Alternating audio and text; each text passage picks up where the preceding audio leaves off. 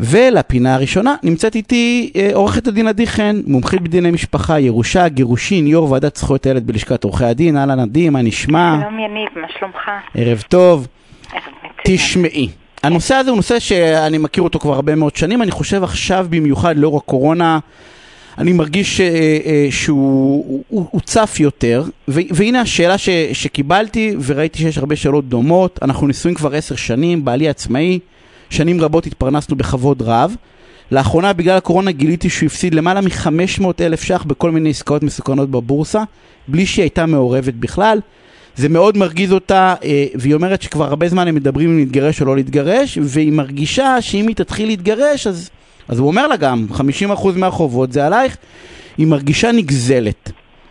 והאם באמת אני, אה, אותו או הבעל שלה, או כל בן זוג, זה לא משנה, יוצר חוב בלי שהבן זוג שלו ידע, האם, הוא, האם השותפים גם בזה 50-50?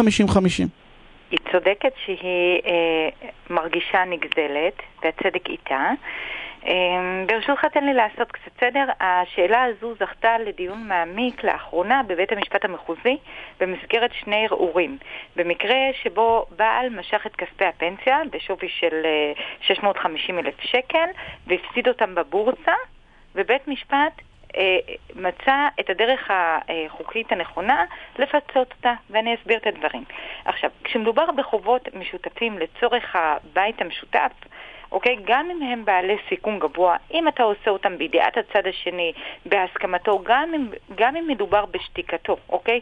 גם אם הוא לא אמר איזושהי אמירה או התנגד, עדיין מדובר בחוב משותף, והצד השני לא רק נהנה מהדבש, אלא גם צריך לסבול מהעוקץ, וחובה עליו לשאת במחצית החובות. בסדר? בדרך כלל זה מחצית. אבל כשאנחנו עושים פעולה מאחרי הגב של הצד השני, שיש בה סיכון רב, ושהיא משפיעה על החלק שלו, בסוף, אז פה יש לנו בעיה. פה התנהגות שהיא חסרת תום לב, בניגוד לחובת הנאמנות, ופה יש כלים לבתי משפט. אז ברשותך בוא נעשה... כל, כלים שמה עושים? כי אני, אני, אני יודעת מה, אני, אני אשאל אותך רגע, טוב, תגידי לנו מה הכלים עושים, כי אני אומר על פניו, זה קצת יכול להרגיז. כי אם נניח הפעולה המסוכנת הזאת מביאה הרבה הרבה מאוד כסף, או נניח... לא אף אחד לא היה מדבר, אם, הוא לא היה מפסיד בבורסה 600 אלף שקל, או לא יודע כמה מאות אלפי שקלים, היה מרוויח 2.5 מיליון שקל, אז לא רק שלא הם מדברים, אלא אומרים, רגע, אבל הרווח המסוכן הזה הוא גם שלי. נכון, אבל הוא היה צריך, כדי להימנע מכל זה, הוא היה צריך לידע את הצד השני, ובזה מסתיים הסיפור. ואז אם הוא מפסיד, ההפסד גם שלה, ואם הוא מרוויח, הרווח גם שלה.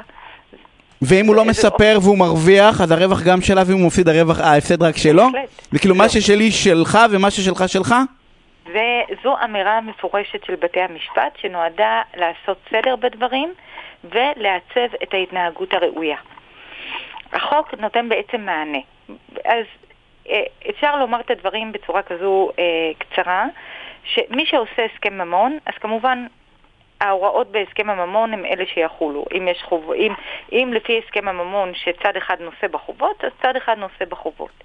אבל אם אין הסכם ממון, אז יש משהו שהוא דומה להסכם, שהמחוקק קבע אותו, ונקרא הסדר איזון המשאבים. ההסדר הזה חל בתום הנישואים. ולפי ההסדר הזה, כל אחד מהצדדים זכאי לשווי מחצית מה, מהרכוש המשותף שנשאר, שווי מחצית, אוקיי? לא, לא בקניין, לא, לא חצי בית שלי, אלא שווי, מהשווי. לצורך העניין, אם יש לי, אם יש לי, רק כדי שזה, אם יש לי עסק, אז אני לא נותן, לא בהכרח אני נותן חצי מהעסק. אתה לא נותן חצי מהעסק, אתה נותן חצי מהשווי. של העסק. אוקיי, אז... אחרי ניכוי חובות. אבל כשיש לנו פעולות כאלה חריגות של שנעשו מאחרי הגב, ללא הסכמת הצד השני, שיש בהם סיכון רב, אז יש לבית המשפט כלים, הוא יש לו סמכויות מיוחדות לקבוע, א', נכסים שאחד הבריח, נניח אחד הבריח במהלך אה, תקופת הנישואין סכום של מיליון שקל, אז בית משפט יכול להת, אה, להתחשב בכך שכאילו המיליון שקל עדיין קיימים ואתה חייב לה חצי מיליון שקל לצד השני. גם להתעלם מפעולת ההברחה. להתעלם, אבל, בדיוק. אבל פעולת ההברחה זה משהו אגרסיבי, זה כאילו נכון, משהו שאני אבל- בא ועושה בכוונה. כשאני מפסיד 500 אלף שקל, אני לא בהכרח בא להפסיד 500 אלף שקל. אתה צודק. אז פה יש אופציה אחרת. בית משפט יכול לקבוע שהבסיס, שחלק מה, מהנכסים המשותפים לא יאוזנו. במקרה הספציפי הזה שדיברתי עליו, בית משפט קבע שהזכויות הפנסיוניות של האישה לא יאוזנו, ובזה יעשה צדק. ובית משפט מחוזי אישר את, ה, את, את פסק הדין של בית משפט למשפחה. כי בית משפט, בית משפט למעשה יש לו אופציה או לא לחלק את הנכסים חצי-חצי, אלא בשיעור אחר כדי לעשות צדק. נניח אם אחד אה, פעל בחוסר תום לב מאחרי הגב, אז...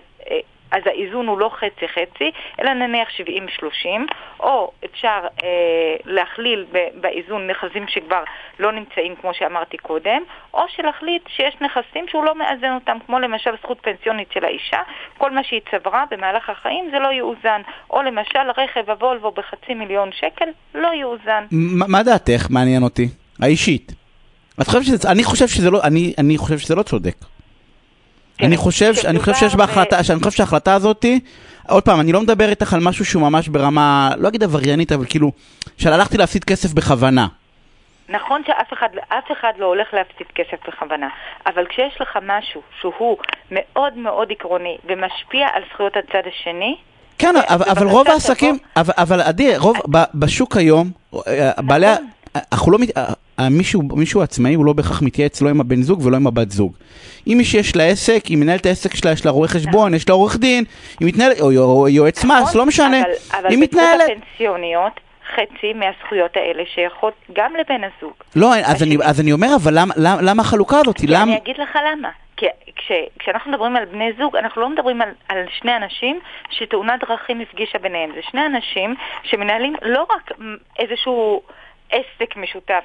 הנישואין או הקשר הזוגי, אלא צריך שתהיה חובת נאמנות, חובת דאגה אחד לשני, גם אם יש הפרדה רכושית. לא, אין, אין בעיה, אבל, אבל כאילו העונש על זה שלא, תראי, הרי כל השנים, אה, עוד פעם, אני, אני מכיר אה, עצמאים, אה, אה, והם מנהלים את העסק שלהם לבד.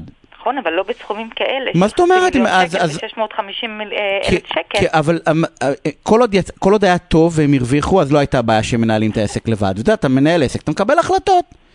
אתה מקבל כל מיני, גם אם זה לא הימורים בריסק כזה, אתה מקבל החלטות, ולפעמים קשות.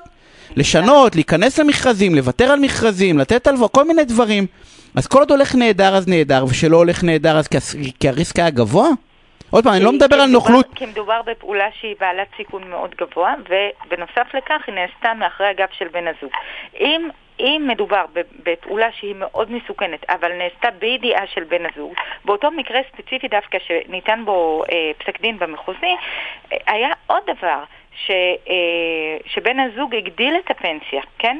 ההחזר, סליחה, הגדיל את, את המשכנתה, ופה בית המשפט אמר, מאחר ובת הזוג לא אמרה כלום, אז היא ידעה, היא, היא ערה לכמה משלמים משכנתה, לכן פה אני לא אעניש אותו. אבל כשמדובר בפעולה שיש בה סיכון כל כך גבוה, והוא עושה אותה בלי לשתף את, ה, את הצד האחר, פה יש לנו בעיה. פה יש אמירה משו... המשקל הוא על הסיכון או המשקל הוא על? ההסתרה? מעניין אותי אם את יכולה להעריך. כאילו אם יש... המשקל הוא כי הוא לא סיפר, או המשקל כי אם נניח זו הייתה פעולה לא מסוכנת, והוא היה מפסיד המשקל כסף. הוא פרופר בגלל שהוא לא סיפר. אני יכולה, היא, מגיעה עד כדי אה, אה, 100%, בגלל שהוא לא שיתף. אם הוא היה משתף, והפעולה הייתה בעלת סיכון מאוד מאוד גבוה, אין בעיה. אז הם הפסידו, אז שניהם ישלמו. ואם הוא לא היה משתף והפעולה לא הייתה בסיכון גבוה, חלק מהעסקים, עוד פעם, עסקים פושטים רגל בסוף, לא תמיד מסיכונים גבוהים. הוא לא נכון. שיתף, הוא לא שיתף, עשה החלטה עסקית לא טובה, נכנס לברוך, אה, את יודעת, לא משהו אה, מעבר... אבל ביטחון סוציאלי זה משהו שקשור לשניהם. זה משהו שנותן כרית ביטחון ליום של הזקנה, ליום שאחרי. אז פה באמת חייבים להתייעץ. המסר לעצמאים, את באה ואומרת, ולעצמאיות, דרך אגב, אנחנו מדברים כן. בזכר, אבל המסר לעצמאים ולעצמאיות, זה שתשתפו את הבני זוג שלכם. ואם לא תשתפו את... בדברים הב- עקרוניים ש- שמשליכים על הזכויות שלהם. בהחלט. הזכויות אבל הפנסיוניות... הכל, משפיע, הן אבל הכל משפיע, כי גם אם אני, יש לי עסק, ואני משקיע ואני מפסיד את ה... את יודעת, אז באים אליי אחרי זה באופן אישי, ורוצים לקחת לי חצי מה... לא משנה, את יודעת. אבל בני זוג, בני זוג מסתמכים על זה שלצד השני יש פנסיה, ואנחנו צוברים עכשיו, ואנחנו חוסכים, למה? כי, כדי להבטיח את הזקנה שלנו.